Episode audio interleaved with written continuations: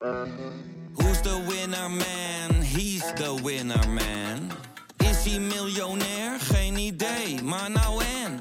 Je hebt geen jackpot nodig to be a winner man. Oh oké, dat is wel lekker man. Je rijdt dus door een oorlogsgebied op een, op een vellig, terwijl het keihard regent en overal pikdonker wordt. Nee, we durven niet te stoppen. En je- eh, ja, eh, Joep is nooit bang. Joep Vermans, de kamerman, die was nu ook echt bang. Via podimo.nl slash gonzo luister je de eerste 30 dagen gratis naar Podimo. podimo.nl slash gonzo. After six and a half years in power, Mikhail Gorbachev confirmed his resignation on television tonight. Я покидаю свой пост с тревогой, Но и с надеждой, с верой в вас, в вашу мудрость и силу духа. Dit is Betrouwbare Bronnen met Jaap Jansen.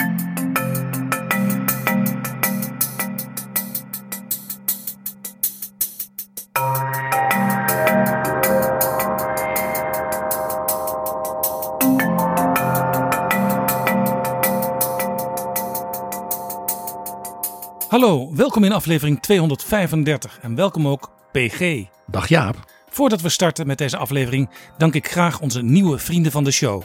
Luisteraars die met een donatie deze podcast mede mogelijk maken. En dat zijn deze week Ruud, Tijen, Marco, Sander en Mark. Wij vinden het een eer om voor jullie zo'n podcast te maken.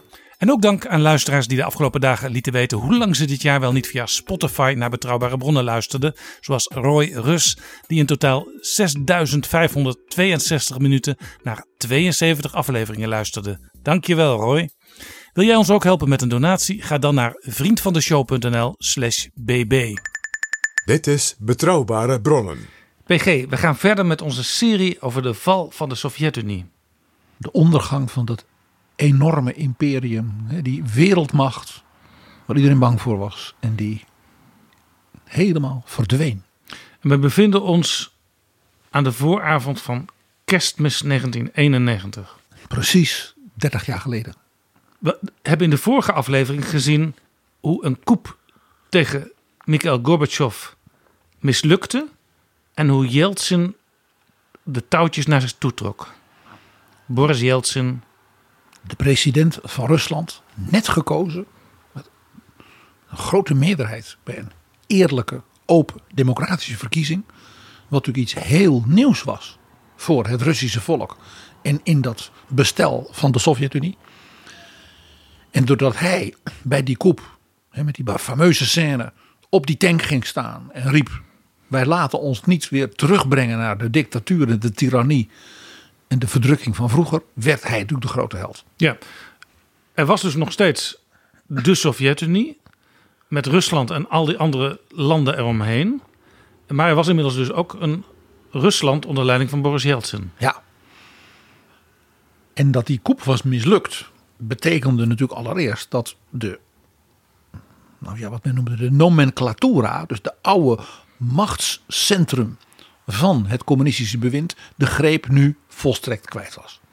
Die was volledig in discrediet. Een aantal van de coupplegers hebben ook zelfmoord gepleegd eh, in die dagen. Dus dat gaf ook aan dat zij er letterlijk en figuurlijk nou ja, helemaal geen toekomst meer zagen. Ook voor zichzelf niet meer. Het Westen reageerde natuurlijk allereerst met grote opluchting. Ja. Omdat men dus vooral zag. De oude communisten zijn niet terug aan de macht. En Gorbachev, die wij zo waarderen, die is gelukkig gered. Hè, die was, zat daar in dat, eh, in dat soort dacha op de Krim. En eh, nou, ze hebben hem niet vermoord. En gelukkig is hij weer terug. Maar ja, die coup liet natuurlijk nog iets zien. Eh, die liet zien dat Gorbachev in feite dus nauwelijks meer greep had op zijn omgeving. En op dat regime waar hij zogenaamd dan de nummer één van was. En ja, dat hij in het Kremlin wel zat in dat kantoor, maar in feite volledig geïsoleerd was. En ook een beetje losgezongen van wat de werkelijkheid was. Je zou bijna zeggen, de tsaar had geen kleren aan. En er was natuurlijk een tweede. Wat natuurlijk heel duidelijk was. Er was één iemand, één politicus die dit aanvoelde. en dat genadeloos uitspeelde. En dat was Boris Yeltsin. Die zag in feite dat die koep hem vooral enorm had geholpen. Nog los dus van dat men in de hele wereld zei: hij heeft de democratie en de vrijheid gered. Dat was bijna een soort toefje op de taart. Jeltsin was in feite al een parallelle organisatie aan het neerzetten. eh, door Rusland opnieuw als natie heel belangrijk te maken. Want binnen dat enorme imperium was natuurlijk Rusland. Ja, verhoudingsgewijs natuurlijk volstrekt dominant. Ja, het was de zon en de rest waren de sterren eromheen. Het Kremlin was het centrum en de planeetjes en maantjes draaiden daaromheen. Dat was zo onder Stalin geweest, dat was na Stalin zo geweest. En Gorbachev had eigenlijk dat ook zo willen houden, sterker nog willen herstellen. Maar dan hè, in de zin van eh, democratisch, maar dan wel volgens de, de lessen en de leer van Lenin. Dus wel met een socialistische, communistische economie. Ja, en Jeltsin had toen hij opkwam als, als nieuwe leider ook gemerkt dat allerlei landen om Rusland heen, zoals de Baltische Staten, dat die eigenlijk verlangden naar onafhankelijkheid. een van dus de meest opvallende dingen was dat met de val van de muur en het zich vrijmaken van landen als Hongarije, Tsjechoslowakije, ook, zeker ook Polen, eh, dat het effect daar natuurlijk in de Sovjet-Unie was. Dat al die volkeren en die deelrepublieken en soms daar weer volkeren binnen die deelrepublieken zeiden ja, waarom wij dan niet? Wij willen ook, eh, ja, wij willen dat onze muur ook valt. Geweldige demonstraties met vele doden in Baku, in Azerbeidzjan. Eh, en natuurlijk meest ja, indrukwekkend eh, bij de, die kleine Baltische republieken. Die dus met demonstraties en wat dan waar ook ja, gevochten is. We hebben toen verteld in de vorige aflevering over dat het Rode Leger zelfs met geweld ingreep in Litouwen. En Gorbachev zei, ja nee, daar wist ik niks van. Maar ja, het gaf aan toen ook al, Gorbachev verloor de greep op het regime. En die volkeren, die, ja, die maakten zichzelf vrij. Ja. En Yeltsin zag dat voor hem als president van Rusland, dat dus in feite een heel belangrijk pluspunt was. Ja. En Gorbachev die werd er eigenlijk steeds eenzamer in dat hele grote Kremlin. Ja, en die economie stortte steeds verder in. Het imperium ja, spatte uit elkaar. Daarbij dus aangemoedigd, notabene, dus door de president van Rusland. Hè, die dus niet als een oude tsaar zei, nee, dat hoort allemaal bij mij, dat moet ik bij elkaar graaien. Nee, die zei, nee, geef die mensen de vrijheid. Dat ging zelfs zo ver dat de Amerikaanse president, dat was George Bush senior, er bijna bezorgd door werd. Iets wat wij ons nu bijna niet kunnen indenken. President Bush bezocht in die tijd Kiev. Dat De was- hoofdstad van Oekraïne. en dat was natuurlijk een, was een volksfeest. daar. Hij werd daar toegejuicht door de mensen. En toen heeft hij een toespraak gehouden. En men was eigenlijk heel teleurgesteld in die toespraak. Want natuurlijk hield hij gloedvolle eh, de woorden over liberty en democracy en freedom. Wat ze natuurlijk wilden horen. Maar hij het woord independence gebruikte hij niet. Bush zei zelfs: U moet als volk van Oekraïne met uw broedervolk, de Russen, onder leiding van Michail Gorbachev, de kans nu waarnemen die u op het wereldtoneel heeft. Maak een vrij land, democratisch, eh, maar, maar blijf bij elkaar. Eh, want als de zaak uit elkaar spat, dan kunnen andere landen u niet helpen. En we moeten dus zorgen dat het stap voor stap goed gebeurt. Maar ga geen gekke dingen doen. Ja, dit is overigens een, een, een algemeen ding wat je altijd ziet eh, als er onrust is. De internationale gemeenschap, de diplomatie, eh, die let altijd heel erg op het handhaven van de bestaande grenzen. En daar kwam natuurlijk bij dat Gorbachev natuurlijk niet dodelijker door de Amerikanen getroffen zou kunnen worden. Ook zeg maar in zijn eigen omgeving, in dat Kremlin. Als wanneer de Amerikanen zouden roepen, nou, onafhankelijk Oekraïne zien wij wel zitten. Ja, en de Amerikanen waren natuurlijk hartstikke blij dat de Sovjet-Unie ja, langzamerhand eh, niet meer eh, die enorme krachtige communistische, eh, dat krachtige communistische bolwerk was. En die rivaal op en dat ze de deuren en de ramen open hadden gezet naar het westen. Gorbachev had de Nobelprijs voor de Vrede gehad. Voor zijn initiatieven tot ontwapening, tot ontspanning. Hè.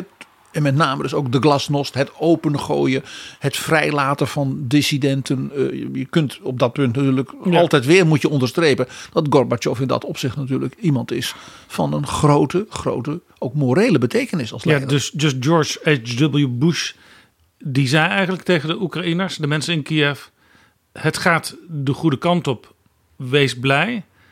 En eh, hoogstwaarschijnlijk kunnen jullie in samenwerking met de Russen een hele mooie toekomst tegemoet gaan. Ja, tel uw zegeningen, als het ware. Count your blessings, Kiev. En eh, eh, eh, wat je veroorzaken zou als de zaak helemaal uit elkaar zou vallen, is, en dat hadden we natuurlijk gezien, zo'n koep van de oude hap, de KGB en wat dan niet. Stel je voor dat die geslaagd was. Wat was er dan met de mensen in Kiev gebeurd? Hè, dat was natuurlijk, nou ja, die vrees was natuurlijk voor de Amerikanen en zeker ook voor Europa heel, heel ja, actief. Dat was men zich zeer bewust. Dat men ook besefte dat met die koep en met het aantreden van Yeltsin eh, de verhoudingen heel erg gingen veranderen. Dat werd natuurlijk niet naar buiten gebracht.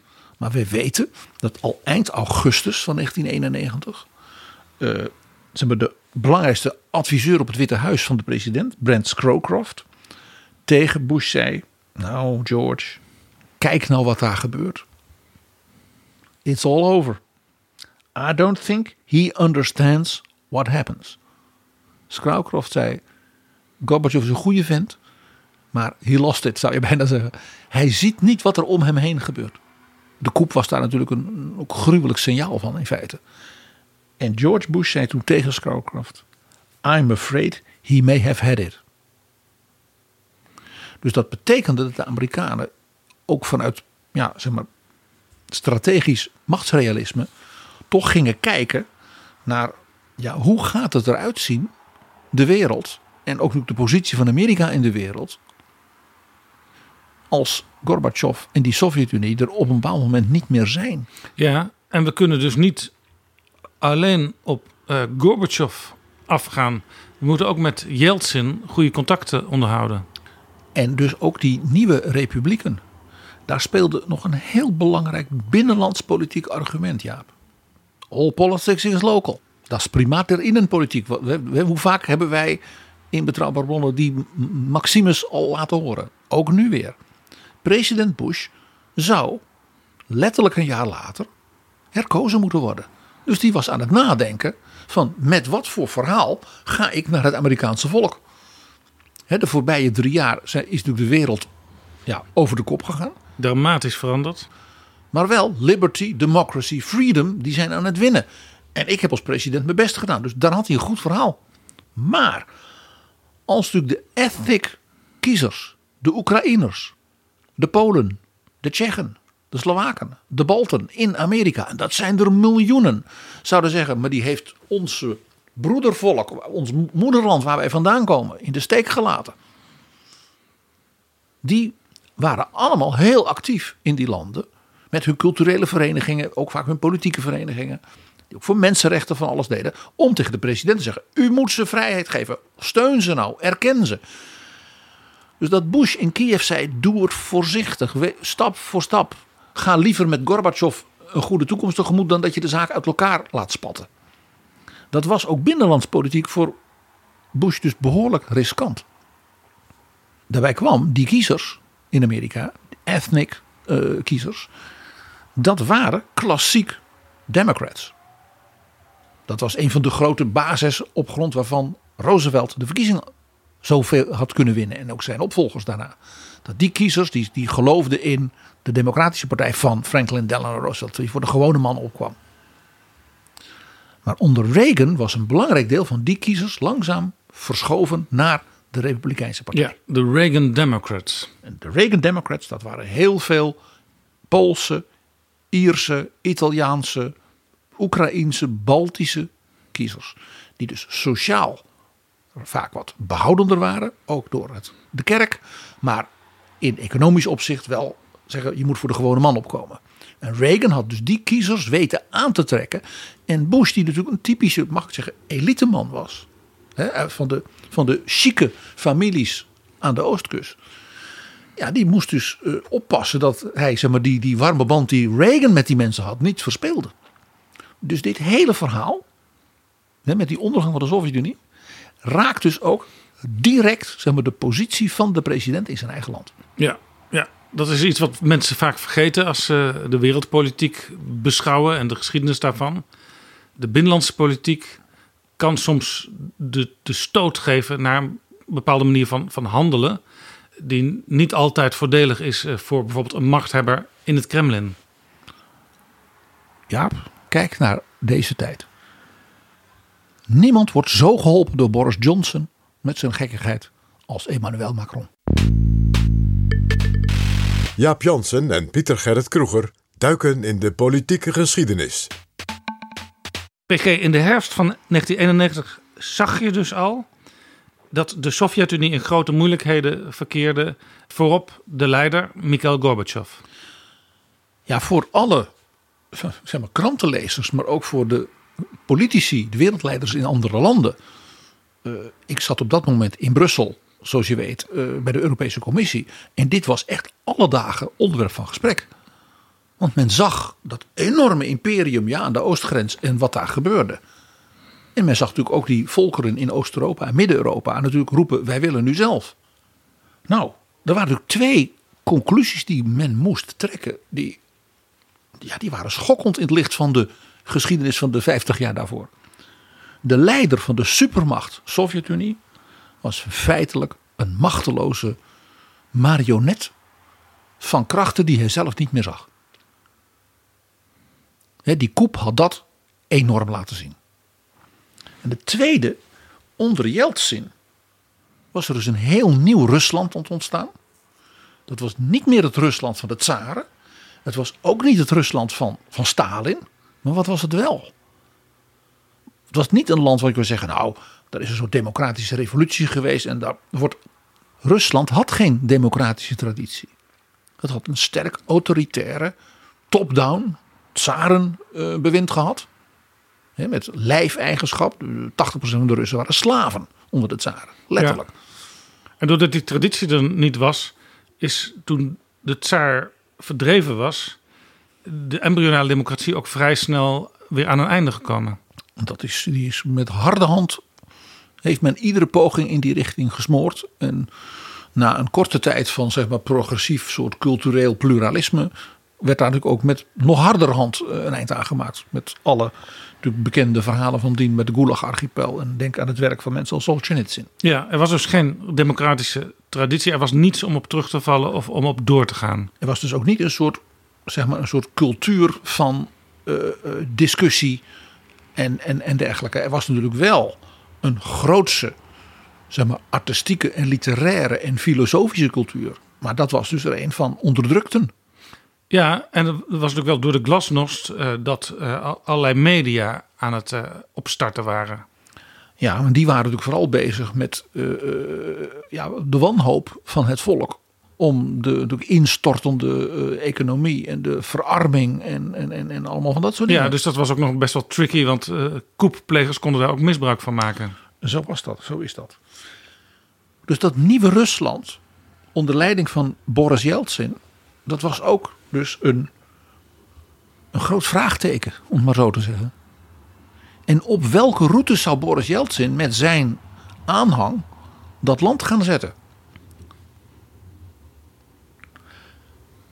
Er waren dus op wereldschaal op dat moment twee enorme onzekerheden.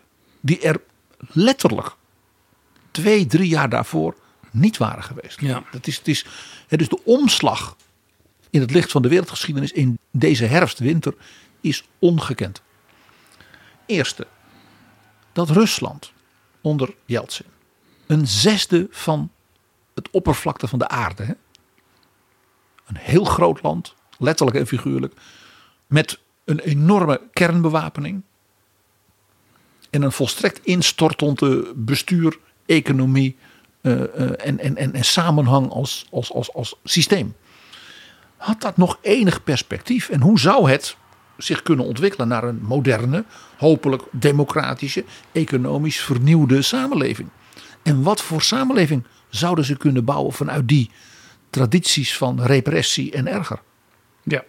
De tweede grote onzekerheid het was feitelijk. Ja, Gorbachev zat daar in het Kremlin. Ja, en kon met de telefoon met andere wereldleiders bellen. Maar het was in feite één groot vacuüm. En dat was ook een vacuüm in de zin van het apparaat.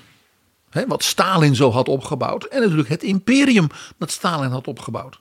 Met al die deelrepublieken en onderdrukte eh, bondgenoten. Ja, waarvan er een groot deel natuurlijk in Midden- en Oost-Europa was. En die maar één ding wilden. Zo snel mogelijk bij Europa horen. En ook die welvaart van nou ja, landen als de Benelux, landen als Duitsland en Frankrijk. Ze wilden niet liever. Nou, dus deze twee grote onzekerheden hadden natuurlijk een enorme impact op uh, ja, ook de rest van de wereld. Dus alles wat er op dat moment gebeurde in Moskou, maar ook op straat. Ja? En in de, bij de demonstratie van de mensen die roepen: we, we hebben geen eten. Wat er gebeurde in die Baltische landen die probeerden zich af te scheiden. Wat er gebeurde in Oekraïne, waar dus de president van Amerika in feite de mensen komt waarschuwen. Was op dat moment dus het centrum van de wereldpolitiek. Wat deed Gorbachev? Gorbachev die deed iets heel opmerkelijks. Die deed alsof er niks aan de hand was. Het is ja, fascinerend. Hij komt dus terug van, van, van de Krim. Na die koep. En gaat weer achter zijn bureau zitten. En gaat als het ware weer doen alsof hij dat imperium kan regeren. De koeplegers waren uh, opzij gezet. Dus hij heeft allemaal nieuwe ministers benoemd. En uh, allemaal ja, vervangers van de mensen die hem wilden afzetten. Uh, en één daarvan, dat is een prachtig verhaal. dat was de nieuwe minister van Defensie. Dat was een soort onderminister van Defensie die Gorbachev uh, al lang kende, die die zeer waardeerde. En die zei: prima vent, die maak ik minister. En Yeltsin is met een paar van zijn stafmedewerkers, met die man het kantoor van Gorbachev binnengelopen. En heeft, heeft hij waar die man bij stond gezegd: En hier heeft u de papieren die hij u nooit heeft laten zien. En met alle orders die hij heeft gegeven ter ondersteuning van de koeplegers. Dus die kandidaat van Gorbachev, die verdween ook meteen weer. Ja, dat gaf dus aan dat Gorbachev ook op zijn directe omgeving, de mensen van die dag dat ze hem steunden, de greep volledig kwijt was. Hij had ook geen inzicht meer in, in zelf, zelf zijn directe omgeving. Nee. En Yeltsin, ja, die was natuurlijk machtsbewust. En deed dit, wat natuurlijk de zoveelste keer was in die fase, dat Yeltsin ook ja, de vernederingen zoals hij dat ervoer uit de tijd dat Gorbachev in de, de toppen van zijn macht was en hem als een beetje ja, een soort provinciaal wegzetten. En dan zijn we aan het ronkelap en uh, die vent uh, moeten we niet. Ja, hij heeft wel een goed hart en hij is voor de democratie, maar verder is het helemaal niks. Uh, die vernederingen, ja, die zetten hem nu betaald. Want dit is natuurlijk wel een manier, dit is niet heel subtiel, zullen we maar zeggen. Maar wel nee. heel duidelijk. Dus wat gebeurt er? Gorbachev die gaat door met wat hij aan het doen was. En een van de dingen was natuurlijk met president Bush samen, natuurlijk nu op wereldschaal, de grote problemen die er waren, de Koude Oorlog, de kernbewapening, één voor één zo goed mogelijk samen oplossen. En we hadden nu dus die unieke situatie dat de president van Amerika en de baas van de Sovjet-Unie als een soort duo in de wereld zeiden van we gaan alle problemen nu oplossen die door de Koude Oorlog allemaal waren geblokkeerd, dan wel tot grote spanningen hadden geleid. Ja, en een van de plekken die door de Koude Oorlog zwaar beïnvloed uh, was, was het Midden-Oosten. En daar had in de maanden daarvoor, in die zomer, de Sovjet-Unie de Amerikanen gesteund. De NATO-landen ook. Voor het eerst. En ook de Arabische landen. In het bevrijden, zoals dat heette, van Kuwait. Van de invasie door het Irak van Saddam Hussein. Operatie Desert Storm. Die verpletterende nederlaag van Irak schakelde dus een van de pro-Russische machtscentra in het Midden-Oosten uit. En Gorbachev had dat blijkbaar prima gevonden. President Bush gebruikte die triomf.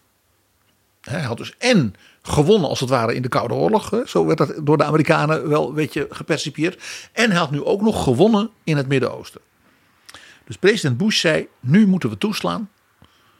Want het lukt met Gorbachev. Ja, na de wiedervereniging van Duitsland om dat hele communistische bewind als het ware te, te, ja, los te weken. En daar iets goeds van te maken. Dat gaan we nu in het Midden-Oosten ook doen. En dat was het vooral het werk van zijn minister van Buitenlandse Zaken, James Baker. die zei: Ik heb met al die Arabische leiders gepraat. Ik heb met alle andere wereldleiders gepraat. Maar vooral ook met de Arabische leiders. Die zijn nu bereid. Die snappen na die nederlaag van Saddam Hussein. Dat ze maar beter met ons Amerikanen. Nu we ook de steun van de Sovjet-Unie hebben.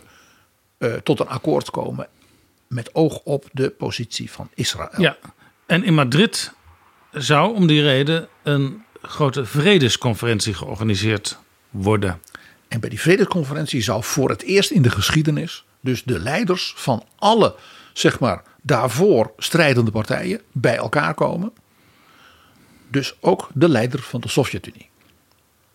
Dus Mikhail Gorbachev komt naar Madrid, president Bush komt naar Madrid. De man die het allemaal regelde en aan elkaar probeerde te, te, te, te- plakken en, was natuurlijk James Baker.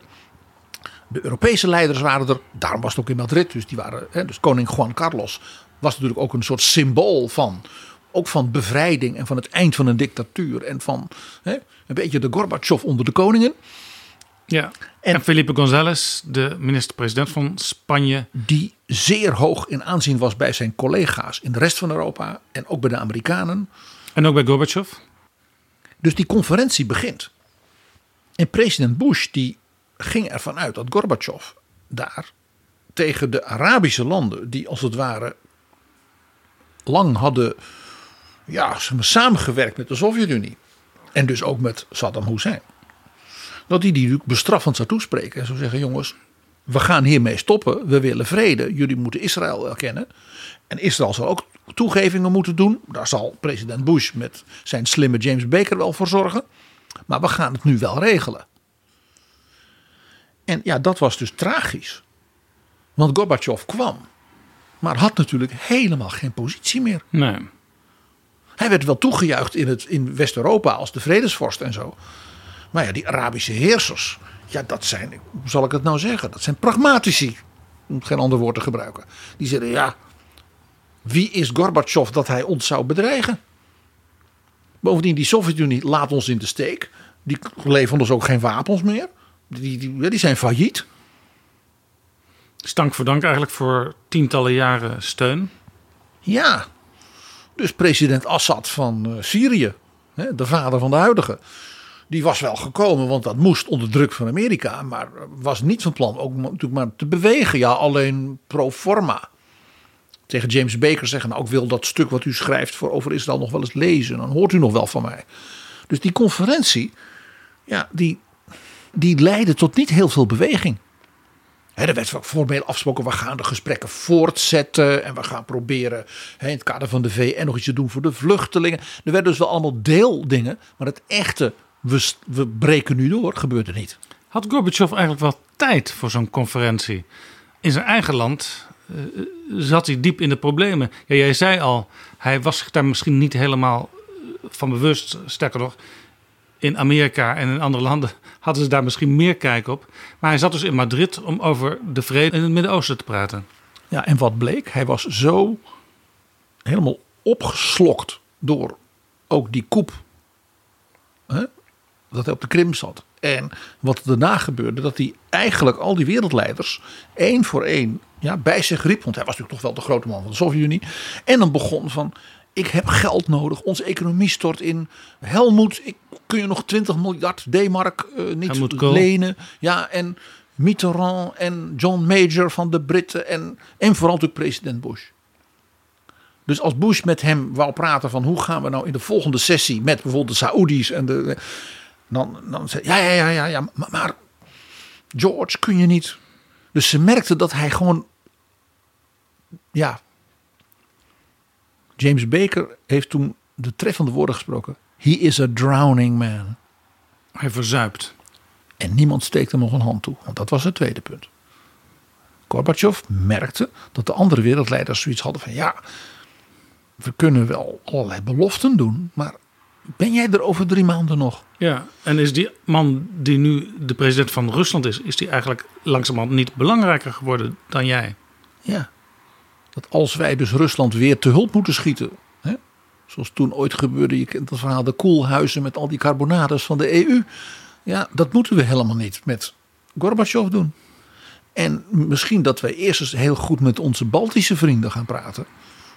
Hè, die zo verschrikkelijk onderdrukt zijn en nu onafhankelijk worden en een modern westers democratisch land willen worden. Ja, dat is misschien toch ook voor onze kiezers thuis, hè? misschien wel interessanter. Ja, over die kiezers thuis gesproken. Er kwamen natuurlijk in Amerika verkiezingen aan. Ja, en de president hoopte natuurlijk dat hij naar de kiezers kon als hè, wat ik noem de vredesvorst die ook in het Midden-Oosten Israël definitief had geholpen. Ja, eh, De seinen waren gunstig voor Ja. de oude Bush. waren het dus niet dat nu bleek dat zijn partner hierbij, de Sovjet-Unie, in feite ja, eigenlijk niet meer bestond. En dus ook geen macht meer kon uitoefenen in het Midden-Oosten. Dus dat was een, een, een hele pijnlijke ervaring voor, voor Baker en voor Bush. Ja, Overigens heel interessant. De, de, de, eh, Gorbachev was zo aangeslagen ook. Gewoon, hij kon het gewoon allemaal niet meer aan. Dat hij bijvoorbeeld eh, in Madrid eh, door de wereldleiders gewoon, ja, als het ware af en toe even terzijde werd genomen, zodat hij zijn nood kon klagen. En we weten dat hij bijvoorbeeld met eh, Felipe González, maar ook met koning Juan Carlos, dus uren, ja, gewoon een soort oerschreeuwtherapie, dat hij het allemaal van zich af kon praten. En eh, ja, dat hij dat ook kon omdat eh, ja, koning Juan Carlos eh, iemand was waar hij persoonlijk heel erg goed mee kon. En heel boeiend was. Hij noemde Felipe González een van zijn allerbeste vrienden. ah, In die gesprekken met onder andere koning Juan Carlos kon Gorbachev ook weer een beetje ja, ja, voortbouwen op zijn reputatie als een wereldleider die ertoe doet. Want zo werd hij natuurlijk wel behandeld. Ook met alle egaars. En daar was Gorbachev wel gevoelig voor. En hij noemt ook eh, in het boek van William Taubman over Gorbachev. wordt ook gezegd dat hij gen- genoot van de heel erg openhartige en masculine manier van praten van koning Juan Carlos. en dat koning Juan Carlos hem ook een keer wat bestraffend had toegesproken van... Ja, u bent hier nu en die koep is gelukkig mislukt. Maar, meneer Gorbachev, wij, hè, dus hij bedoelde wij, koning Juan Carlos en, en, en andere westerse leiders... we hebben ook wel bewondering voor die Boris Yeltsin. ja. Want u heeft uw best gedaan, maar hij heeft het ook niet makkelijk gehad. En eigenlijk met zo'n ondertoon van mede door u. En toen was zelfs Gorbachev bereid om tegen ko- koning Juan Carlos te laten blijken. Ja, Yeltsin is ook wel een goede peer. Laten we hem krediet geven voor zijn bereidheid om radicaal te hervormen. Diep in zijn ziel is hij wel voor de eenheid. Oftewel dus voor het blijven, van, het blijven bestaan van de Sovjet-Unie. Want hij lijkt wel sterk en eh, stoer. Maar hij is iemand die heel makkelijk te beïnvloeden is. Dat is dus Gorbachev over Yeltsin. Zat- Dit geeft al aan dat Gorbachev eigenlijk nog lang niet dacht... voor mij is het spel langzamerhand uitgespeeld. Exact. Terwijl dus Bush en Scrowcroft tegen me zeiden... Maybe he has had it.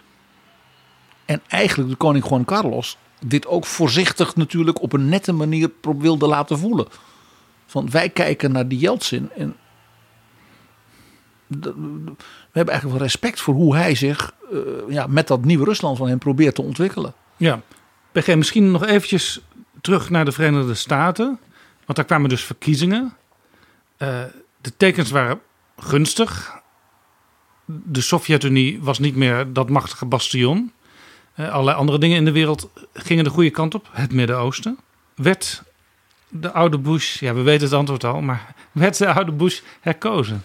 Ja, hier zie je dus de tragiek. Die instorting van de Sovjet-Unie. Nu 30 jaar geleden. Die herfst, die winter.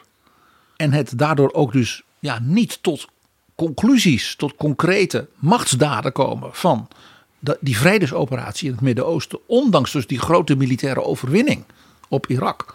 Betekende dus dat de president naar de kiezer kon gaan met het verhaal: ik ben de peace president. Maar ja, dat in het Midden-Oosten is niet helemaal gelukt. En voor de Amerikaanse kiezer was nou de Soviet Union, we've won. We hebben gewonnen. Ja, dus dat kun je afstrepen. En eh, vervolgens ga je, gaan de kiezers over naar eh, andere onderwerpen. Ja, en dat Wiedervereinigung was natuurlijk prachtig voor de Duitsers.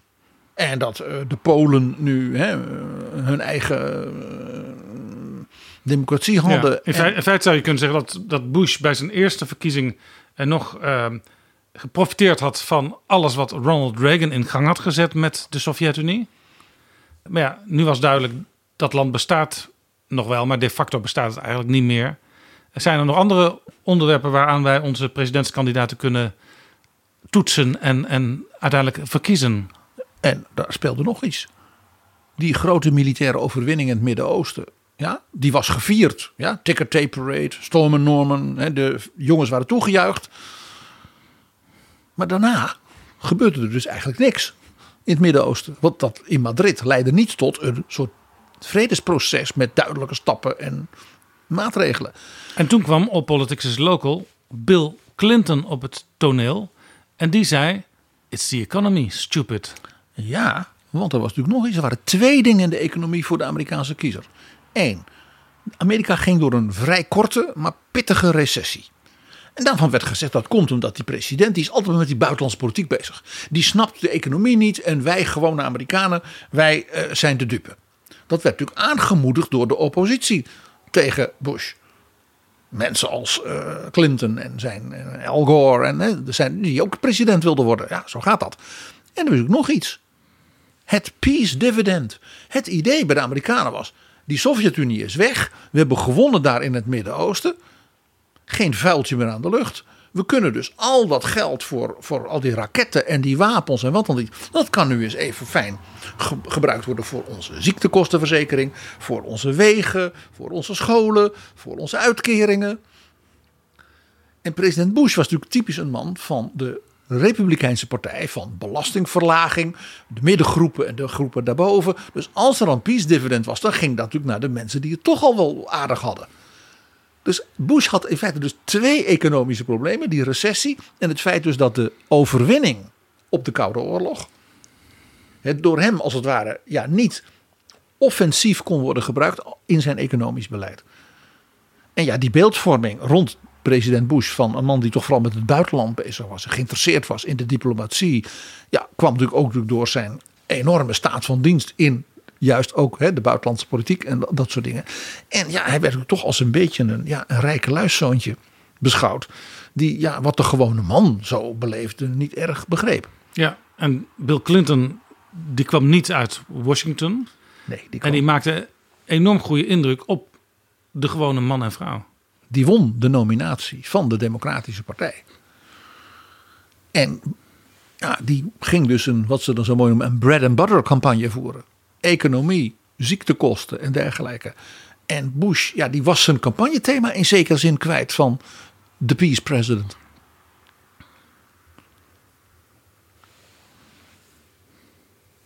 En het effect dus van deze toch voor velen onverwachte ontwikkeling. Die de, de val van de Sovjet-Unie, de ondergang van de Sovjet-Unie had op de binnenlandse politiek in Amerika. was dus tragisch. Want toen Bush dus niet werd herkozen in 1992. Terwijl op het moment dat dus de, de troepen in Kuwait ja, die enorme overwinning behaalden, stond Bush op 90, 91 procent instemming van de kiezers in Amerika. Alleen zijn zoon heeft later die percentages nog net verbeterd in de weken na 11 september. Ja, Zo snel kan het dus gaan. Precies. Van himmelhoog jauchzen bis zum tode betrupt. En niet herkozen worden. En het effect was dat dus de meer gematigde, dus maar wat conservatieve middenkoers, die in feite, als je goed keek, ook Ronald Reagan altijd had gevoerd en Bush zelf, dus in die partij, de Republikeinse partij, dus in discrediet was gekomen. Die hadden de zaak verpest.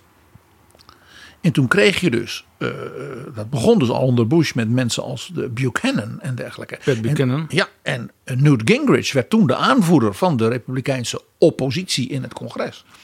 En dus die spijkerharde polarisatie. eh, waarbij de Republikeinse partij ook dus sterk naar ja, rechts ging. In allerlei opzichten. En culture wars en dergelijke. Die is toen begonnen. En jij weet nog, Jaap, dat de eerste twee jaar Newt Gingrich met zijn aanhang die Bill Clinton alle hoeken van de Kamer lieten zien. Ja, de leider van het Huis van Afgevaardigden die hield eigenlijk alles wat Clinton wilde bereiken, hield hij tegen. En Clinton verknoeide het ook volledig. Clinton was in zijn eerste termijn een buitengewoon zwakke president. Eh, Hillary ging de ziektekostenhervorming doen. En dat porselein liet ze uit haar handen vallen. Eh, eigenlijk alle initiatieven van, van eh, Clinton eh, die hij echt wilde doen, die mislukten. Het enige wat hij voor elkaar kreeg was NAFTA. Een vrijhandelsakkoord met Canada en Mexico. En dat werd onmiddellijk aangevallen als eh, dan gaan die Mexicanen als het ware hè, met Amerikaans geld rijk worden. Want die gaan fabrieken bouwen en wij Amerikanen raken al onze fabrieken kwijt. Een verhaal wat je natuurlijk niet zo lang geleden ook hoorde van bijvoorbeeld Donald Trump. Ja. Dus die nieuwe keiharde politiek in de Verenigde Staten die wij van de voorbije jaren zo herkennen. Ja, dat- dus nog steeds een hele belangrijke rol in Amerika, die, die keiharde confrontatiepolitiek. Die is dus begonnen als, het ware, als effect van die ondergang van de Sovjet-Unie. En het feit dus dat president Bush het aflegde tegen Bill Clinton. Dus dat speelt nu al 30 jaar dat democraten en republikeinen elkaar naar het leven staan. eh, waar ze vroeger voor een deel overlapten en ook vaak bipartisan samenwerkten. En die dus ook hier weer ziet hoe die herfst, winter 1991, nu al 30 jaar, dus op een aantal grote thema's en in grote landen, de ontwikkeling van de wereldgeschiedenis heeft bepaald.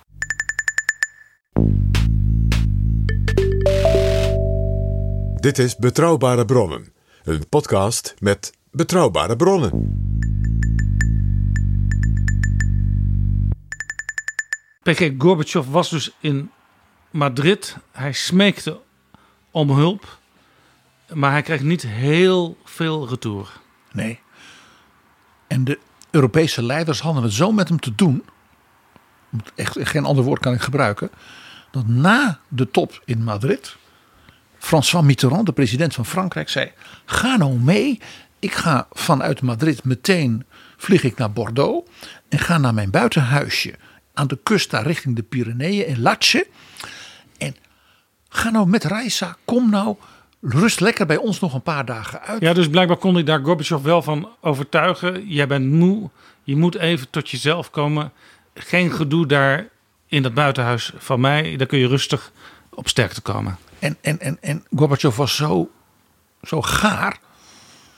En mevrouw Gorbachev was natuurlijk, eh, ook doordat ze een soort TIA had gehad, eh, eh, fysiek zeer aangeslagen. Dat merkte ze natuurlijk ook. Dus ze hebben echt dat echtpaar gewoon een beetje ja, vertroeteld eigenlijk. Bemoedigd. Ja, maar ja, het buitenhuis van een president, daar hebben de Russen natuurlijk uit hun grootste traditie van de tsaren en ook Stalin en dergelijke, en zelfs Poetin nu ook, hè, ja, een idee bij. Dat zijn natuurlijk fantastische paleizen. Van Catharina de Grote en zo rond, rond Petersburg en op de Krim. Dit was meer een, een, een soort hutje op de, eh, op de hei, een campagne. Ja, eh, eh, meneer Tschernaev, dat was de, zeg maar, de ambtelijke rechterhand van Gorbachev, die ging mee. met mevrouw Gorbachev en nog één of twee medewerkers. En die zegt, ja, wij komen daar aan. Dat was een, een soort dorpje. Ergens in de Oeral of zo. Hij beschrijft dat als ja, kleine, petiterige huisjes met, hele, met raampjes en ja, strodaken. En het was er allemaal heel vochtig en donker binnen en ja, allemaal koud. En overal liepen geiten en kippen. En, en ja, dus die had zoiets van: is dit het buitenhuis van zeg maar, de opvolger van Louis XIV en Napoleon en de Gaulle? Mitterrand had dat natuurlijk ooit gekocht. En dat was een soort buiten. Nou ja, er zijn ook veel Nederlanders die huisjes in Frankrijk hebben. Hè. Zoiets moet je denken. Ja. Ja, de Russen zijn echt iets anders gewend. Nou, Gorbachev vond het toch wel heel leuk. Want die kon- gewoon even uitpuffen.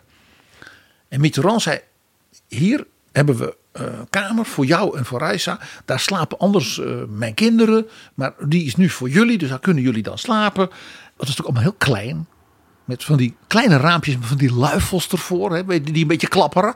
Nou, eh, en Mitterrand zei tegen Gorbachev voordat ze eh, zeg maar gingen slapen. Ja, let even op, schrik nou niet. eh, want in de ochtend, dan hoor je misschien onze haan. En ik heb wat geiten en we hebben ook een ezel. En die hebben de neiging om nogal veel lawaai te maken in de ochtend. Dan word je wakker. nou, dus ze zijn dan maar in de salon bij de open haard gaan zitten. En Gorbachev kon weer vertellen hoe, dat, er, nou ja, dat er niemand meer naar hem wilde luisteren. En waarop Mitterrand toen tegen hem zei... Michael, je moet het in de lange termijn zien. Jij hebt het belangrijkste al gedaan. Je hebt een systeem verwoest dat al helemaal niet meer werkte. En in feite gaf dus ook de zo ja, we- wereldwijze Mitterrand hiermee aan: jij bent passé. Jij bent verleden en accepteer dat nu maar. Niet echt een fijne boodschap als je daar ligt bij te komen. En in feite wordt je lot op die manier bezegeld. Ja. En dat dus die andere wereldleiders, of het nou koning Juan Carlos is, of James Baker of eh, Mitterrand, in feite zeggen bedankt. Maar jij bent in feite voorbij. De haankrijden. Letterlijk. PG, we hebben tot nu toe vooral over Gorbachev gehad. Die zelf dacht dat hij nog steeds een belangrijke rol kon spelen. Intussen was Yeltsin natuurlijk de president van Rusland geworden. En zat niet stil. Want die begreep dat hij op een soort wave zat. Ook qua aanzien in de wereld. En dat dus die andere republieken, die zich allemaal nu ja, van dat oude systeem probeerden af te koppelen. Natuurlijk vooral ook naar hem keken. Want als natuurlijk Rusland in feite de oude tsarenpolitiek zou terugbrengen. Ja, dan zouden dus de Oekraïne, eh, eh, eh, de Caucasus, de Balten weer onderworpenen worden. Daar hadden ze natuurlijk geen zin in. Ze wilden nou eindelijk wel eens echt onafhankelijk worden, wat ze alleen maar in naam waren in de Sovjet-Unie. Precies. Zo werd er op 1 december 1991, ook dit dus weer letterlijk net 30 jaar geleden, een referendum gehouden in de Oekraïne. En ondanks de waarschuwingen van president Bush, zei 90% van de stemgerechtigden ja voor onafhankelijkheid. En op dat moment deed Yeltsin iets buitengewoon slims. Ik zeg het nog één keer. Het beeld van Boris Yeltsin hier in het Westen is natuurlijk bepaald door zijn laatste jaren. Zijn drankgebruik. En dat hij fysiek niet meer kon. Dit was de periode dat Boris Yeltsin op de toppen van zijn politieke aanzien was, maar ook zijn politieke vernuft. Het was dus een slimme politicus. Zeer slimme politicus, een zeer krachtdadig. En ook een echte Russische beer. Dat was eh, ongelikt. Boris Yeltsin die roept de president van Oekraïne, die dus nu een onafhankelijke staat zou hebben, en de president van Belarus, Wit-Rusland, dat ook zich onafhankelijk verklaarde, bij zich. En die is met hen in een dacha gaan zitten, we zijn in Rusland, in de buurt van Brest, dus op de grens met Polen. Zodat daar geen pers en geen aandacht voor was. En die drie hebben gezegd: als wij met z'n drieën eensgezind zijn, dan kunnen we al die andere deelrepublieken, die dus ook onafhankelijk worden, Tajikistan en Kazachstan en wat dan niet, die kunnen we wel aan. Die volgen ons dan wel. Want economisch en ook gewoon qua zeg maar, spoorlijnen en dat soort dingen zijn we natuurlijk zo met elkaar verknoopt uit dat Sovjet-systeem. Dat ook al zijn we onafhankelijk, we toch heel veel samen zullen moeten doen. Ja, het onafhankelijk worden was dus een prachtig idee. Maar het zou gewoon niet werken in het begin. Als je je van elkaar zou afscheuren. Dus zij besloten tot de oprichting van iets heel nieuws. Het gemeenebest van onafhankelijke staten. Het GOS noemden wij dat eh, in het televisiejournaal. Ja, de nadruk lag dus op onafhankelijke staten. He, dus Rusland, de grote macht, erkende dus de zelfstandigheid, de vrijheid van al die andere. Ja, en gemeenebest is ook een, een, een mooi woord. Het wordt ook natuurlijk door de, de Britten gebruikt voor al hun voormalige koloniën. Die groot deel allemaal nog meedoen in dat gemeenebest. Want we hebben toch iets gezamenlijks, is de gedachte. Juist, het woord gemeenebest is heel bewust gekozen. Inderdaad, het zijn dus landen die als koloniën ja, onderdrukt waren geweest, maar nu elkaar erkennen, maar wel het gemeenschappelijke ideaal. En misschien ook wel de gemeenschappelijke cultuur, de gemeenschappelijke herinnering willen koesteren. The Commonwealth of Independent States. CIS. Dat sluiten ze. Het verhaal gaat dat ze de onderhandelingen vooral hebben gedaan in de Banja. Met veel drank. Op 8 december. In het diepste geheim. Dus Gorbachev was niet op de hoogte. Gorbachev wist van niets. Yeltsin, meneer Kravchuk en meneer Shuskevich van Belarus. Dus de voorganger van Lukashenko. En dat was een democraat. Wit-Rusland was een democratische republiek. Die hebben met z'n drieën gezegd: als wij dit zo doen, dan kunnen wij dat, die gemeenschap die we toch nog moeten blijven vormen, opnieuw formuleren. Zonder dus die Sovjet-dictatuur. Dus wat deed Yeltsin? Die liet in feite dus de Sovjet-Unie verdampen. Er was helemaal geen Sovjet-Unie meer. En je begrijpt dat betekent dat er nog iets niet meer was. Dat was Mikhail Gorbachev. De ultieme vernedering. Wie werd als eerste geïnformeerd? Jij raadt het al, ja. Niet Mikhail Gorbachev. Yeltsin pakte de telefoon en belde George Bush. Nou ja, de belangrijkste man in de wereld, zou je kunnen zeggen, op dat moment. Ja. En de, boodschap was natuurlijk veelvuldig. Eén, Mr. President, de president van Rusland is vanaf nu dus uw gesprekspartner. Dat is volkomen helder. Hij heeft daarbij de steun van landen als Oekraïne en Belarus. En die anderen zullen ook wel meedoen. Dus wat u, uw waarschuwing in Kiev, maak het nou niet te bond. Nou, daar hebben we naar geluisterd. Oekraïne is dan wel zelfstandig, maar we gaan wel samen verder. Ook heel slim natuurlijk. En drie, ja, dat gaat wel geld kosten. Want alles stort hierin. Amerika moet ons helpen. Een Marshallplan, alstublieft. Met als dreigement, ja, en elk van die drie landen is producent dan wel eh, basis van kernraketten. Dus daar moet u ons ook bij helpen. dat was natuurlijk ook een klein beetje chantage. Ja, dus eh, George Bush, de oude Bush, die rook politiek. Ja, en die begreep ook dat hij niet nu, wat hij als diplomaat graag deed, moest afwachten. Want Yeltsin had hiermee natuurlijk ook het initiatief in handen. Ik zei al, een vernuftig politicus. En hij besefte ook meteen dat Gorbachev hier niet in gekend was. Dat was hem duidelijk, ja. Dus diezelfde avond laat hij James Baker optreden in zeg maar zo'n serieus uh, soort praatprogramma. Face the Nation. Face the Nation op de Amerikaanse televisie. En hem wordt gevraagd: wat betekent dit? Deze Commonwealth, Independent States. En James Baker zegt het ronduit: The Soviet Union, as we have known it, no longer exists. Dramatisch moment. Wereldgeschiedenis. Echt. Het, het echte einde van de Koude Oorlog. In die zin ook. Het volkomen verdwijnen van een van de twee supermachten. Baker schrijft diezelfde avond een memo. Je weet uit die vorige editie uh, dat hij toen uh, op zijn buitenhuisje in, in Wyoming was. Toen die koep gepleegd werd. Dat hij toen ging zitten en een papiertje pakte en ging Ja. opschrijven wat denk ik nu echt. Dat is typisch iets voor Baker. Zodat hij dan de president desnoods dat papiertje kon geven. Dan wel dat uitgewerkt zei hij. Mr. President dan heeft u op anderhalve pagina's wat er echt aan de hand is. Hij schreef dit aan Bush diezelfde avond.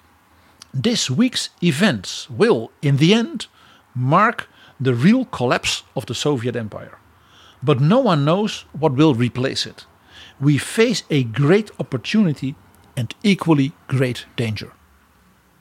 Ik zei al, een dramatisch moment. Er was nog iemand op het wereldtoneel die, hoewel hoogbejaard, heel wakker was. Deng Xiaoping, de leider van China, die eigenlijk teruggetreden was, want hij was oud en had opvolgers geregeld, maar achter de schermen nog zeer bij de pinken en op dit soort strategische dingen was hij de beslisser. En wat deed Deng? Deng besloot dat China, Oekraïne, Wit-Rusland Estland, Letland, Litouwen meteen zou erkennen als onafhankelijke staten. Is dat niet opmerkelijk? Want China zelf, het laatste wat China zelf zou willen is eh, uiteenvallen in allemaal onafhankelijke brokjes. Ja, stel je voor dat Nederland, Tibet, Taiwan en de Oeigoeren zou erkennen. Ja. Waarom deed Deng dit? Omdat Deng besefte dat het verdwijnen van de Sovjet-Unie en de instorting van de economie zou betekenen dat dus president Yeltsin als opvolger van Gorbachev geen gevaar voor China meer betekende. Er was dus geen naast Amerika een tweede supermacht met alles die ook nog de pretentie had de leider van het communisme te zijn. Voor China was het verdwijnen van de Sovjet-Unie en het hebben van allemaal mogelijke nieuwe klanten daar in Europa buitengewoon aantrekkelijk. Ja, want China was natuurlijk ook niet meer het China van eh, het begin van de Volksrepubliek. Wat steun nodig had uit Moskou en opleiding uit Moskou. Eh, er was natuurlijk, waren natuurlijk al eerder momenten van verwijdering geweest. Bijvoorbeeld de destalinisatie die in Peking helemaal niet geapprecieerd werd. En denk aan de enorme grensoorlog. Waar we in een eerdere editie van Betrouwbaar Bronnen het over hadden. Toen Kissinger dus in het geheim naar Beijing kwam. Omdat Mao zo bang was voor dus de macht van de Sovjet-Unie. En de grensoorlog die het Rode Leger ja, tegen het Volksbevrijdingsleger van China voerde. En Deng die was begonnen met zijn eigen perestroika. Maar perestroika zonder glasnost, zonder openheid. Deng Xiaoping was begonnen met een enorme economische hervormingsaanpak op alle terreinen. Met opening naar de wereldeconomie. Maar wel in het kader van het communistisch denkraam. Ja. En als dus de Sovjet-Unie niet meer dat rode leger aan de grens had en niet meer een gevaar was, dan kon dus China ook zeggen: dan hoeven wij ook niet heel veel geld uit te geven voor de defensie en dat soort dingen. Dan kan alles worden gericht op dus het economisch herstel na de culturele revolutie en de enorme opgang voor de welvaart voor de gewone Chinezen. En dus Deng Xiaoping dacht: ik, hoe meer ex-Sovjet-republieken onafhankelijk worden, hoe beter het voor China is.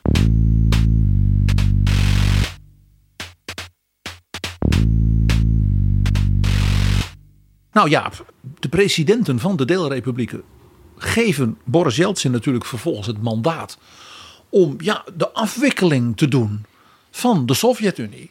Als jij Met nou eens- Mikhail Gorbachev. Boris, als jij nou eens met Mikael gaat praten. Ja. Iemand moet het hem vertellen. Ja.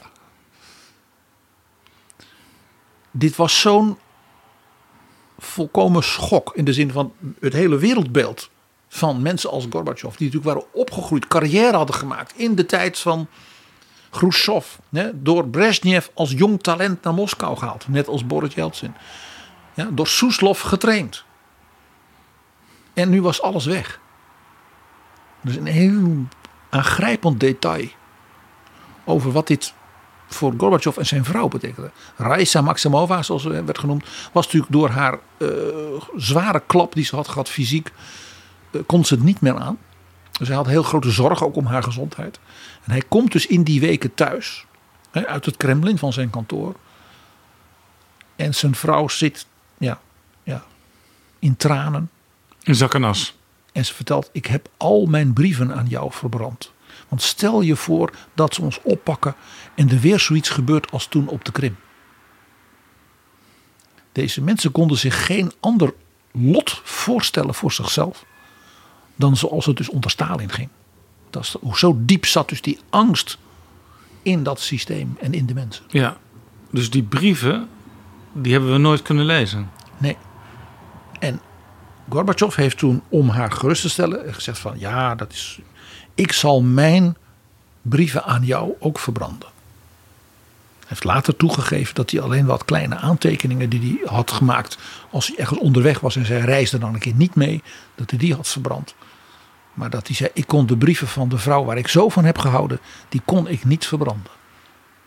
Dat is ook wel het onderdeel van het verhaal, de grote, het grote liefdesverhaal van deze twee mensen. Ja. Een drama en een liefdesverhaal. Er moest natuurlijk onderhandeld worden over van alles. Want ja, wat zou er nou dan nog gebeuren? Als die Sovjet-Unie er dus niet meer was. En per wanneer dan? En wat zou Gorbachev dan doen? Zou Gorbachev überhaupt nog een pensioen hebben? Dus dat, over dat soort dingen. Je begrijpt hoe vernederend dit was voor toch de grote leider, de opvolger van Stalin ja? en Lenin. Dat je dan met de president van Rusland, die jij zelf al zo vaak hebt vernederd in de hoek getrapt, moet gaan praten van, ja, kan ik nog misschien een secretaresse houden? Uh, zo werd natuurlijk hem duidelijk gemaakt dat de dacha voor de president aan de rand van Moskou, dat die natuurlijk nu de dacha van de president zou zijn. Dus van Boris Yeltsin. Zijn buitenhuis was hij kwijt. Heel symbolisch. En er moest ook gepraat worden over iets heel, heel gevoeligs. Wie krijgt de knop? De nucleaire knop. Ja. Want Mikhail Gorbachev had als de leider van de Sovjet-Unie dat koffertje met de codes en ja, de apparatuur om het bevel te geven om de raketten te lanceren. Ja, maar die Sovjet-Unie was verdampt. Naar wie ging dat? Naar de president van Tajikistan? Of ging dat roleren tussen die gosleden? Ja, want overal in dat nieuwe gos lagen nog kernwapens. Ja, en overal in die verschillende republieken waren geheime steden. Waar dus onderzoek werd gedaan, ook naar chemische wapens en biologische wapens en wat dan niet. Dat was allemaal dus zijn commandant kwijt. Dus Yeltsin zegt tegen de minister van Defensie van Rusland: Ga jij naar die kamer van Gorbachev in, hier in het Kremlin? Hè, want Yeltsin zat zeg maar de verdieping even verderop. En ga tegen hem zeggen dat ik per morgen dat koffertje wil. Ja, op die defensieminister zegt: Nou, Boris, weet ik niet hoor of dat de juiste procedure is. Dat moeten we eerst afstemmen met de militairen. Ja.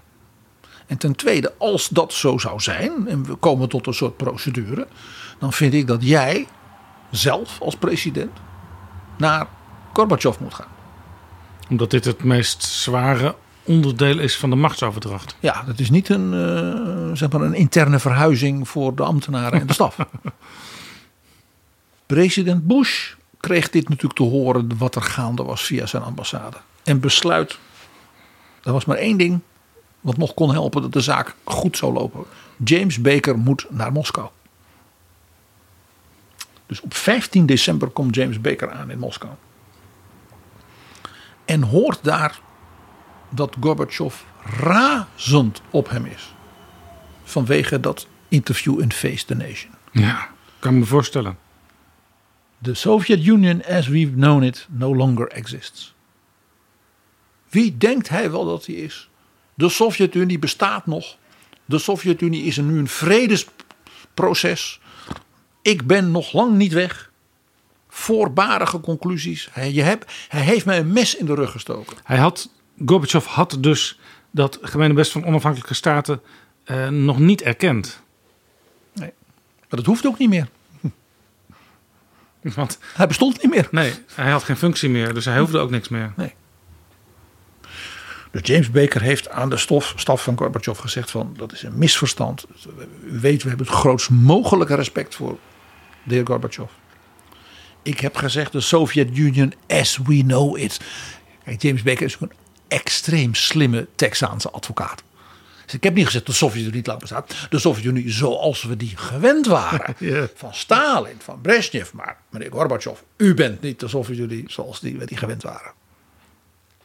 Mocht u wel meteen binnen bij Gorbachev, Baker? Uh, nou, uh, hij is de volgende ochtend, 16 december, eerst op bezoek geweest bij president Yeltsin. Dat kon haast niet anders, hè? Diplomatiek gesproken. Dat telefoontje van 8 december van Yeltsin namens Oekraïne en Belarus was dus goed begrepen door Bush en Baker. Yeltsin is nu de gesprekspartner.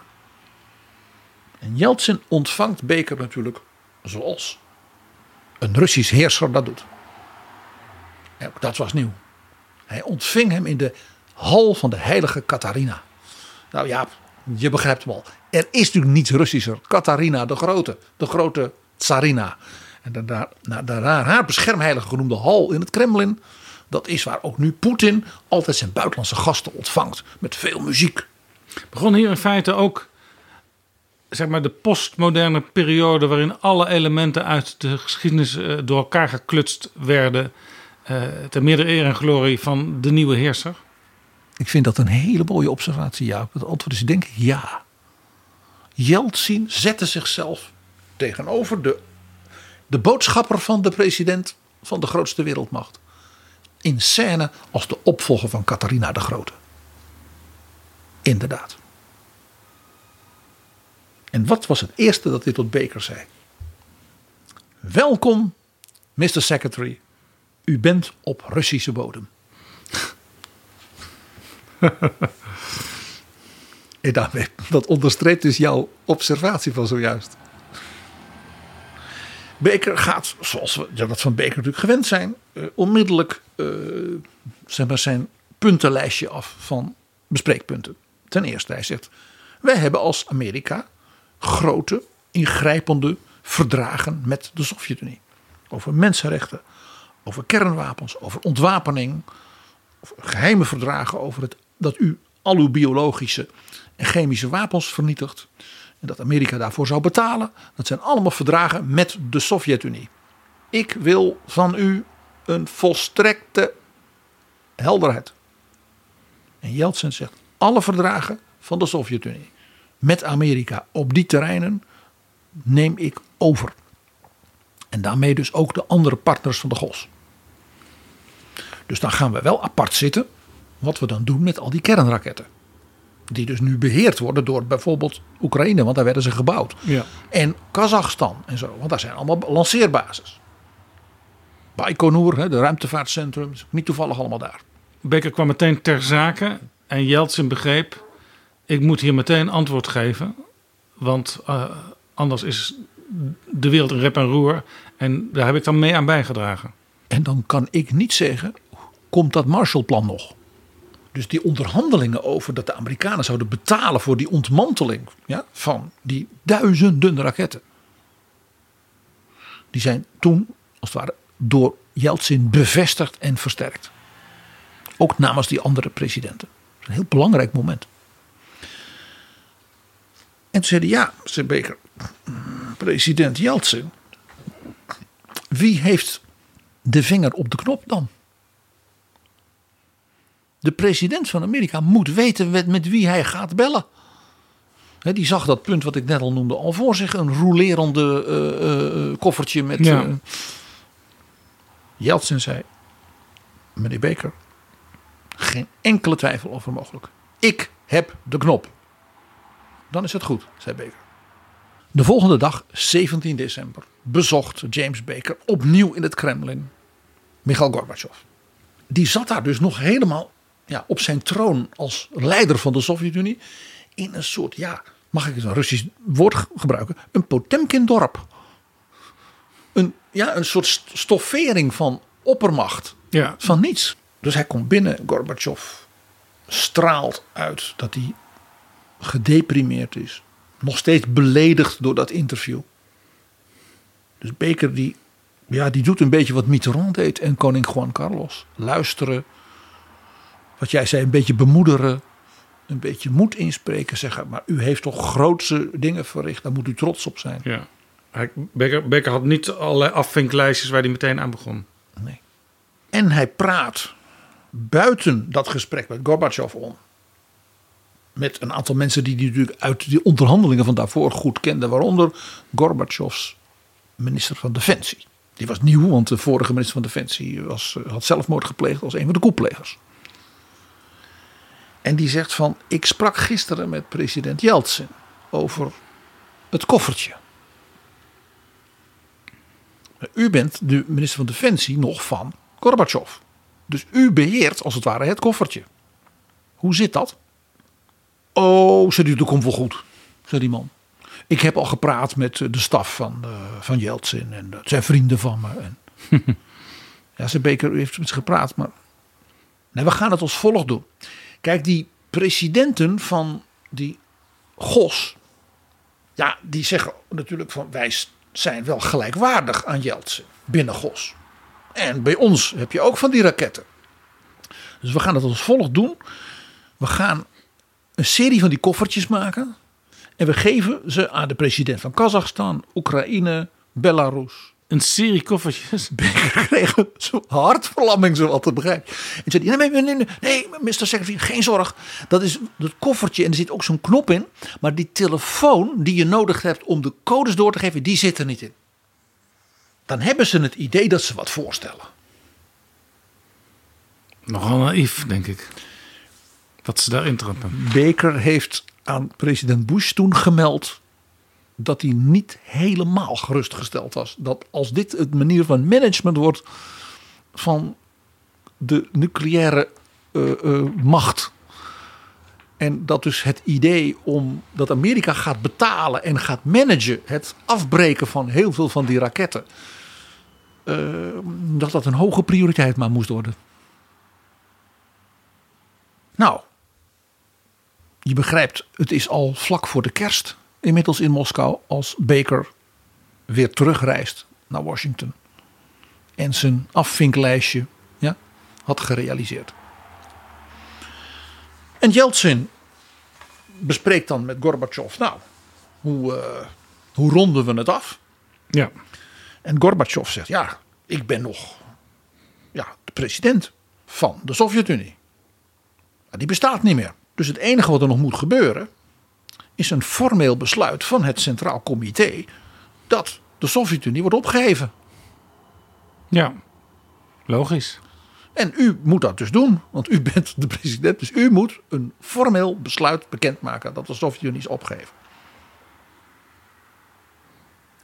Ja, nou ja, Gorbachev begreep dat er niks anders op zat. Dus toen heeft hij gezegd dat wil ik doen. Maar dan wil ik eh, toespraak kunnen houden. Ja, Jeltsin, hou maar een toespraak. Via de televisie, dat is best. En eh, nou, die toespraak zou hij dan houden op 25 december. En eh, hem werd ook duidelijk gemaakt dat hij dan natuurlijk eh, wel als een soort oud-president zeg maar, ja, netjes zou worden behandeld. Dus Raisa hoefde niet bang te zijn dat ze zou worden opgepakt. Yeltsin heeft toen tegen de Duma gezegd: Wij zijn een nieuw Rusland. Wij breken met de traditie dat onze vertrekkende leiders gestraft worden voor alles wat ze fout hebben gedaan. Dus wij zullen Mikhail Gorbachev blijven respecteren. Dat was van Yeltsin in het licht van de vele vernederingen ook weer zo'n moment dat je zegt die man had grote kwaliteiten. Laten we even luisteren naar Gorbachev die op televisie zegt dat de Sovjet-Unie nu echt ophoudt te bestaan. Я покидаю свой пост с тревогой, но и с надеждой, с верой в вас, вашу мудрость и силу духа.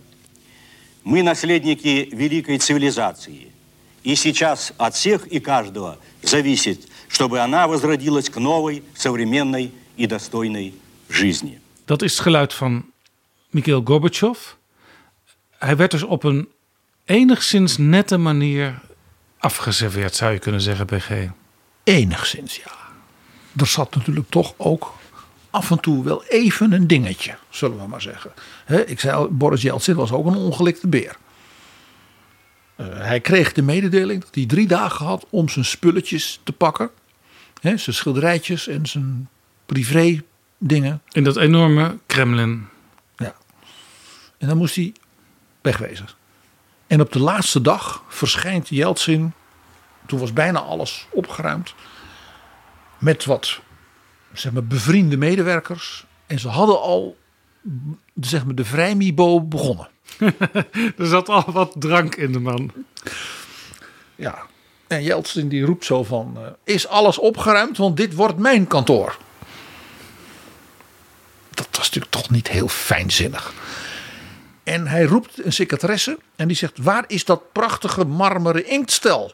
Wat daar altijd stond. En die zegt van. "Eh, President Yeltsin, er is geen marmeren inktstel. Want Gorbachev gebruikte nooit een pen. oh, oh, dan heb ik me vergist. En, en die kast daar, wat zit daarin? Nou, die is dicht, die is gesloten. Die moet open. Ik wil zien wat daar allemaal in zit. Hij was duidelijk dus bang dat daar afluisterapparatuur zat. Waarop iemand van de beveiliging zegt: Ja, nee, nee, nee, nee, die sleutel die heeft niemand. Nou, toen werd hij natuurlijk nog argwanender. Dus hij ging tekeer. Ze zei, we we laten iemand van de KGB komen. Dus binnen een paar minuten kwam iemand met zeg maar, de, de, de sleutel van de KGB. En die doet, en inderdaad, die kast was leeg. Wat hem misschien nog, nog wel extra erg argwanend maakt. Dat denk ik eigenlijk ook, ja. Er kwam nog iets in die dagen op tafel. En dan zijn we weer in de ongelooflijke, ook tragische kant van de Russische geschiedenis en de Sovjetgeschiedenis. Gorbachev zei tegen Yeltsin: Ik heb natuurlijk een aantal buitengewoon geheime documenten. En ja, de Sovjet-Unie bestaat niet meer, dus die ga ik nu aan jou geven. Dan ben jij daar verantwoordelijk voor. Waarop Yeltsin zei: Wat dan? Nou, zei hij, het origineel met alle namenlijsten van alle mensen die door Stalin zijn gedood. Met dus de Stalins goedkeuringen, inclusief het originele document dat al die Poolse intellectuelen, militairen en dergelijke in de bossen van Katyn zijn geëxecuteerd. Mag jij dat aan de Polen geven? Dit was ook grof hoor. Ja. En het tweede document, dat is geheim. Ik heb dat. Dat is het geheime protocol bijlage bij het Molotov-Ribbentrop-pact. Het pact tussen Stalin en Hitler in feite. Waarbij ze dus de Baltische landen, grote delen van Polen, maar ook delen van Roemenië. Dus gewoon hebben. Geannexeerd. Ja, wat dus leidde tot die verschrikkelijke vervolgingen, deportaties en moordpartijen in al die landen. Jeltsin zei: Ik hoef die stukken niet. Geef ze maar aan het archief. Ja, maar ze mogen niet. Nou, zei Jeltsin: Je zoekt het maar uit. Op zijn laatste werkdag. Gorbachev ging weg. Had al vastgesteld dat de officiële staatskaros waar hij mee reed, dat die niet meer voor hem beschikbaar was. Dus hij heeft toen enorm opgespeeld. Toen heeft dus het ministerie, geloof ik, het ministerie van Buitenlandse Zaken gezegd: Nou, wij hebben nog wel wat voor diplomaten. Zo'n auto mag je voorlopig wel gebruiken. Dat is ook echt puur natuurlijk vernederen. Gorbachev is toen nou ja, met zijn laatste spulletjes maar weggegaan. En Yeltsin is toen in dat kantoor gaan zitten en heeft een nieuwe fles opengetrokken. En het werd heel laat en gezellig. En dat was het einde van Gorbachev als leider van de Sovjet-Unie. En aan het eind van die avond, dat is gefilmd en is overal in de wereld op de televisie geweest, streek boven die enorme koepel van het Kremlin voor het vlag. laatst de vlag, de rode vlag met de hamer en de sikkel van de Sovjet-Unie. En dat was het officiële einde van een van de grootste imperia en supermachten in de wereldgeschiedenis. Tonight in Red Square, the symbol of the old administration was removed. The red flag was lowered from the Kremlin, replaced by the Russian banner. At the very moment, Mikhail Gorbachev officially became the eighth and last leader of the Soviet Union. Die toespraak van Gorbachev, waar we net al aan refereerden, eh, die kwam ik tegen in een filmpje waarin je ook uiteindelijk ziet de rode vlag van de Sovjet-Unie die voor het laatst wordt gestreken. Eh, Maar daar zit ook nog een gesprek in, heel interessant, met een medewerker van Yeltsin. Nou, ik zat op het puntje van de stoel toen je dat vertoonde. Want die liet blijken wat zeg maar Yeltsin en zijn inner circle echt dachten op dat moment. En het boeiende is, die medewerker van Yeltsin spreekt uitstekend Engels. Is echt heel goed Engels. En hij laat dus blijken, wat we ook uit de geschiedschrijving en de boeken en zo weten, dat Yeltsin en zijn mensen eigenlijk razend waren over die speech. Omdat Gorbachev in die speech deed alsof het feit dat nu eh, de Sovjet-Unie verdween te danken was aan hemzelf. Omdat hij het land had opengegooid, democratie had gegeven, mensen konden nu zeggen wat ze wilden. En Rusland was daardoor een soort moreel baken in de wereld geworden. En dat was toch iets waar iedereen trots op kon zijn. En hij was daar ook zelf heel trots op. En er zat geen woord van waardering of dank naar bijvoorbeeld Yeltsin en anderen die hadden gestreden voor meer vrijheid en democratie. En dat zat niet lekker bij de staf van Yeltsin. En die stafmedewerker, die gaf toen een buitengewoon scherpe analyse van hoe hij en dus blijkbaar ook Yeltsin en zijn collega's naar Gorbachev keken op dat moment. Laten we even luisteren naar een klein stukje daarvan. Sergei Stankevich is one of those who now assumes the mantle of power. A senior advisor to President Yeltsin, he's one of the younger generation of politicians taking over here.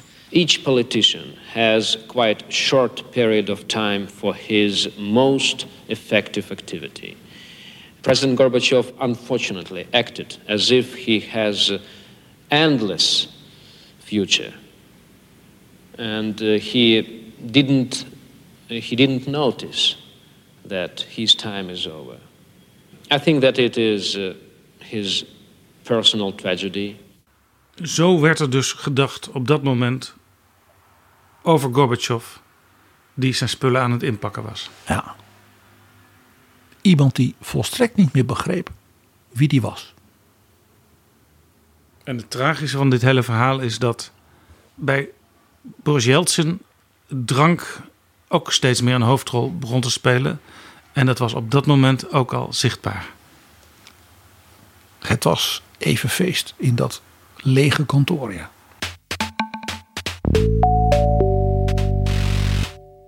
Jaap, het is Rusland, hè, dus het heeft vaak grote tragiek en het heeft iets groots en iets tragisch. Mag ik dan toch ook iets vrolijks als een volkomen onverwacht effect van die ondergang van dat imperium en het ontstaan van de nieuwe republieken aanstippen? Want in die winter van 1991 waren ook een heleboel mensen aan het trainen. Voor de Olympische Spelen van 1992. Ja, en die zouden natuurlijk allemaal onder die vlag met hamer en sikkel naar Barcelona gaan. Maar ja, stond niet meer. En het Nationaal Olympisch Comité van Tajikistan was er ook niet. Dus ja, wat moesten ze nou? Dus men besloot dat die nieuwe gos, dat dat als een soort, uh, ja, soort tijdelijk verband, dan maar die atleten naar de hoofdstad van Catalonië zou sturen. Ik heb even gekeken naar de medaillespiegel van de Olympische Spelen. En daaruit blijkt dat het Gos de grote winnaar was van de Spelen in Barcelona. Onder de prachtige Franse naam Equipe Unifiée. Verenigd team. Dus zo werden de Spelen dus gewonnen door een land waarvan de meeste aardbewoners nog geen flauw idee hadden dat het bestond. Een volledig verdwenen supermacht won de Olympiade van Barcelona. En zullen wij dan als betrouwbare bronnen, opera-liefhebbers, dan toch maar de grote diva van Barcelona, Montserrat Caballé, laten horen? Met het lied van die spelen, samen met Freddie Mercury. Barcelona.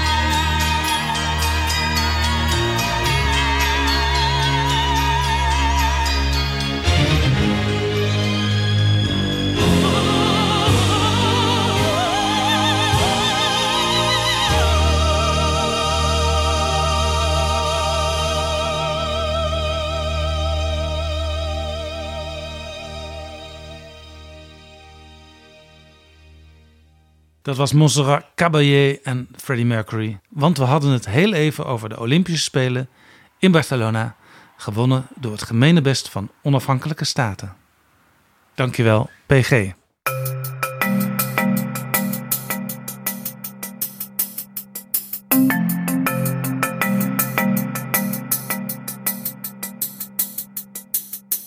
Zo, dit was Betrouwbare Bronnen, aflevering 235. Het filmpje met Gorbachev en Sergei Stankevich kun je vinden in de beschrijving van deze show. Deze aflevering werd mede mogelijk gemaakt door de Europese Unie en door de vrienden van de show. Tot volgende keer.